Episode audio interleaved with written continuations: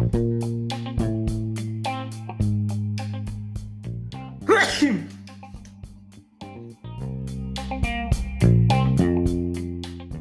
teman-teman, balik lagi bareng gue Bagus. Di sini gue bakal bahas 5 problematika anak informatika. Sebelumnya disclaimer, semua yang gue tulis di sini berdasarkan opini gue sendiri. Jadi kalau misalkan nggak cocok, ya sore aja itu. Dan boleh komen kalau misalkan ada sesuatu yang mengganjal. Artikel ini atau podcast ini cocok buat lo yang mau pilih jurusan informatika, udah milih jurusan informatika, baru semester 1, udah semester 2 atau mau belajar coding dan ya seputar itulah. Oh ya kebetulan uh, podcast ini juga ada dalam bentuk artikelnya uh, gue tulis di webrifana.com jurusan informatika itu nggak susah dan nggak mudah juga. Intinya ada beberapa hal yang harus lo perhatiin sebelum atau sudah memilih jurusan ini. Ada lima hal yang udah gue rangkum dan gue catet yang pertama adalah tetapkan tujuan. Ya jelas lah masuk informatika tuh mau jadi programmer. Tapi programmer itu nggak sesempit itu kan? Ada front end developer ada back end developer android developer desktop developer dan masih banyak lagi. Wah pusing nggak tuh? Balik lagi ke teman-teman. Tujuan awal mau jadi programmer itu mau jadi programmer apa? Oh misalnya ada yang nanya kenapa nggak dipelajarin semuanya aja? Wah mabok loh. Nggak semudah itu misal lo mau jadi Android developer itu Android developer aja ada beberapa bahasa nggak cuma satu ada bahasa Java ada Kotlin, ada Flutter, ada React. Gimana mau belajar yang lain coba? Nah itu baru Android developer loh, belum yang lain. Nah, gimana sih kita bikin roadmap biar kita bisa belajar dan nggak belok-belok gitu? Pertama, teman-teman tujuin dulu, tentuin dulu tujuannya pengen jadi apa ya.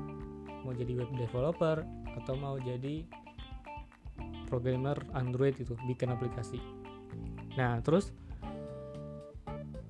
coba buka di situs roadmap.sh. Ini situsnya juga ada sih, gue tulis di artikel. Itu tuh di sana tuh ada kumpulan roadmap buat developer. Ini nggak sponsor ya, cuman referensi aja sih. Di situ ada front end, ada back end, ada DevOps, React, Android, Python dan banyak banget. Nah, kalau udah dibuka terus download roadmapnya di print pajang di kos dan di kamar. Setelah itu baru teman-teman lakuin sesuai yang ada di roadmap itu. Yang kedua cari tutor. Gak ada salahnya sih kita belajar sendiri tapi bahasa programmer itu bukan bahasa yang gampang dipahamin kayak kita belajar bahasa asing lebih mudah apabila kita punya lawan bicara atau tutor yang siap benerin kita ataupun bantu kita kalau kita lagi susah. Pertanyaannya, di mana kita bisa dapat tutor? Pertama, kalau teman-teman kuliah di kampus itu biasanya ada yang namanya asisten dosen yang siap bantu kita kalau kita lagi kesulitan. Nah, itu asisten dosen itu manfaatin dengan baik. Ya, di sini nggak bukan negatif sih. Maksudnya tuh kalau misalkan kita susah itu teman-teman save nomornya terus coba tanyain minta bimbingan nah kalau beruntung kan so asik so akrab aja so, so asik so akrab aja untung-untung kan nanti bisa akrab sampai lulus bisa minta tolong sampai lulus enak kan oh ya kurangin modus ke asisten cewek demi keselamatan pribadi. Yang kedua kalau asisten di kampus itu sombong-sombong sekarang itu banyak banget kursus-kursus online yang bisa lo ikutin. Ada buit buit angga ada binar academy ada sun berkode ada decoding wah banyak banget tinggal sesuaiin aja cara belajar teman-teman sesuai dengan kursus itu. Misal ada yang suka belajar lewat baca ada yang suka belajarnya lewat video. Tapi nih note ya. Jangan buru-buru beli kursus berbayar karena sekarang itu di YouTube itu banyak banget. Nah coba tuh cari di YouTube tutorialnya pelajarin baik-baik. Nah habis itu sesuai nggak sih? Gampang nggak sih karena kursus yang berbayar itu nggak menjamin kita bisa lebih jago gitu mungkin bonusnya ya ada grup konsultasi lah tapi kembali lagi ke niat teman-teman kalau netnya udah mantep bisa lah yang ketiga, kuliah yang benar. Setelah kita tahu tujuan, kita dapat tutor. Kebanyakan kita di kelas itu cuma diajarin materi cuma dari dasar. Eh, cuma dasarnya aja itu. Sedangkan buat materi kelanjutannya itu kita itu dituntut buat belajar sendiri. Gitu. Tapi materi dasar ini nggak boleh diremehin.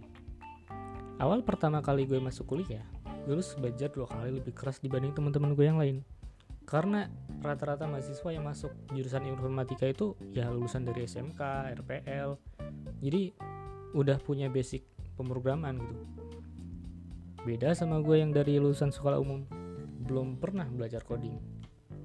Jadi ini saran dan cara belajar gue adalah dulu itu pas pertama kali masuk kuliah download semua materi yang ada di web kampus dari semester 1 sampai semester akhir.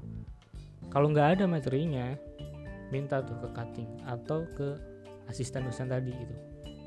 Pasti mereka nyimpen kan dan materinya itu nggak jauh-jauh beda itu antara dosen satu dan dosen yang lainnya yang kedua download soal-soal UTS UAS tahun-tahun sebelumnya. Biasanya nggak jauh beda tuh. Terus pelajarin materi itu dari awal pelan-pelan lah. Kalau dulu gue ngabisin waktu dari pulang kuliah biasanya sampai jam 2 atau jam 3 buat baca-baca materi terus nyoba-nyoba latihan. Kalau error ya tinggal tanya aja ke asisten atau searching di Stack Overflow. Emang gak capek capek asli. Tapi lebih capek lagi kalau kita itu nggak tahu apa-apa dan bahkan melongo kalau pas ditanya sama dosen. Ingat nggak? Ada sebuah nasihat dari Imam Syafi'i jika kamu tidak tahan dengan lelahnya belajar maka kamu harus tahan dengan perihnya kebutuhan anjay. Nah yang keempat adalah pakai logika.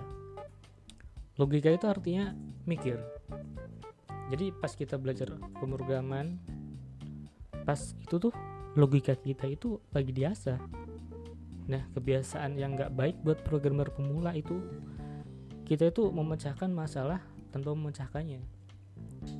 Gimana tuh? Jadi pas kita nemuin permasalahan, kita tuh langsung nyari solusinya tuh di Google atau nanya, padahal kita belum nyoba sama sekali gitu. Nah, di sinilah sebelum kita nyari di Google, kita tuh harus coba memecahkannya sendiri gitu. Contoh deh. Contoh contoh. Contoh soal. Carilah luas persegi panjang. Nah gitu aja. Sebelum kita nyari uh, di internet coba ingat-ingat dulu pas belajar matematika rumus persegi panjang itu apa sih? Nah nanti teman-teman coba buat pesidukot pesidukot itu kayak uh, rumus kayak coding tapi dengan bahasa yang tidak terstruktur gitu. Tapi bisa kita pahami gitu. ya kita bikin variabel dulu lah terus ya kita cantumin luasnya lah terus kita masukin luasnya ya kita masukin angkanya. Setelah angka itu masuk kita tampung ke dalam variabel setelah masuk di variabel kita masukin ke rumus setelah itu kita keluarin outputnya gitu caranya ada soal lain cara nentuin bilangan genap dan bilangan ganjil. Nah, sebelum searching, coba pahamin dulu soalnya. Gimana cara kita nentuin bilangan genap sama bilangan ganjil? Oh, kita pakai logika kita yang paling dasar nih. Bilangan genap, kalau dibagi dua, pasti nggak ada sisanya kan? 4 dibagi dua, dua.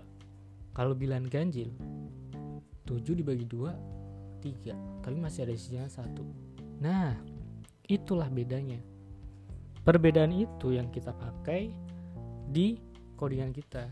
setiap orang itu punya logika yang beda-beda tapi di sinilah logika logika kita itu akan diasah yang kelima berdoa gue sadar usaha gue sejauh ini tuh nggak bakalan tercapai kalau nggak ada campur tangan dari Allah.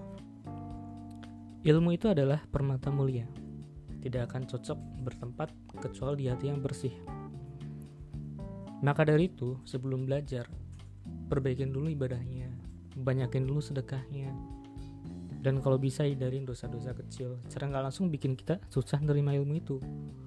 Karena kalau semakin kotor hati lo semakin susah ilmu buat masuk dan lo bakal sering lupa dan ini bonus yang terakhir itu jangan lupa buat istirahat istirahat itu perlu buat otak kita biar kita itu gampang untuk mengingat dan mencerna sesuatu. Nah mungkin itu aja sih sharing dari gue kali ini.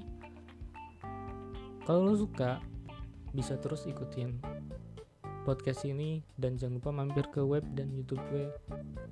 Terima kasih dan sampai jumpa di podcast selanjutnya. See you next time.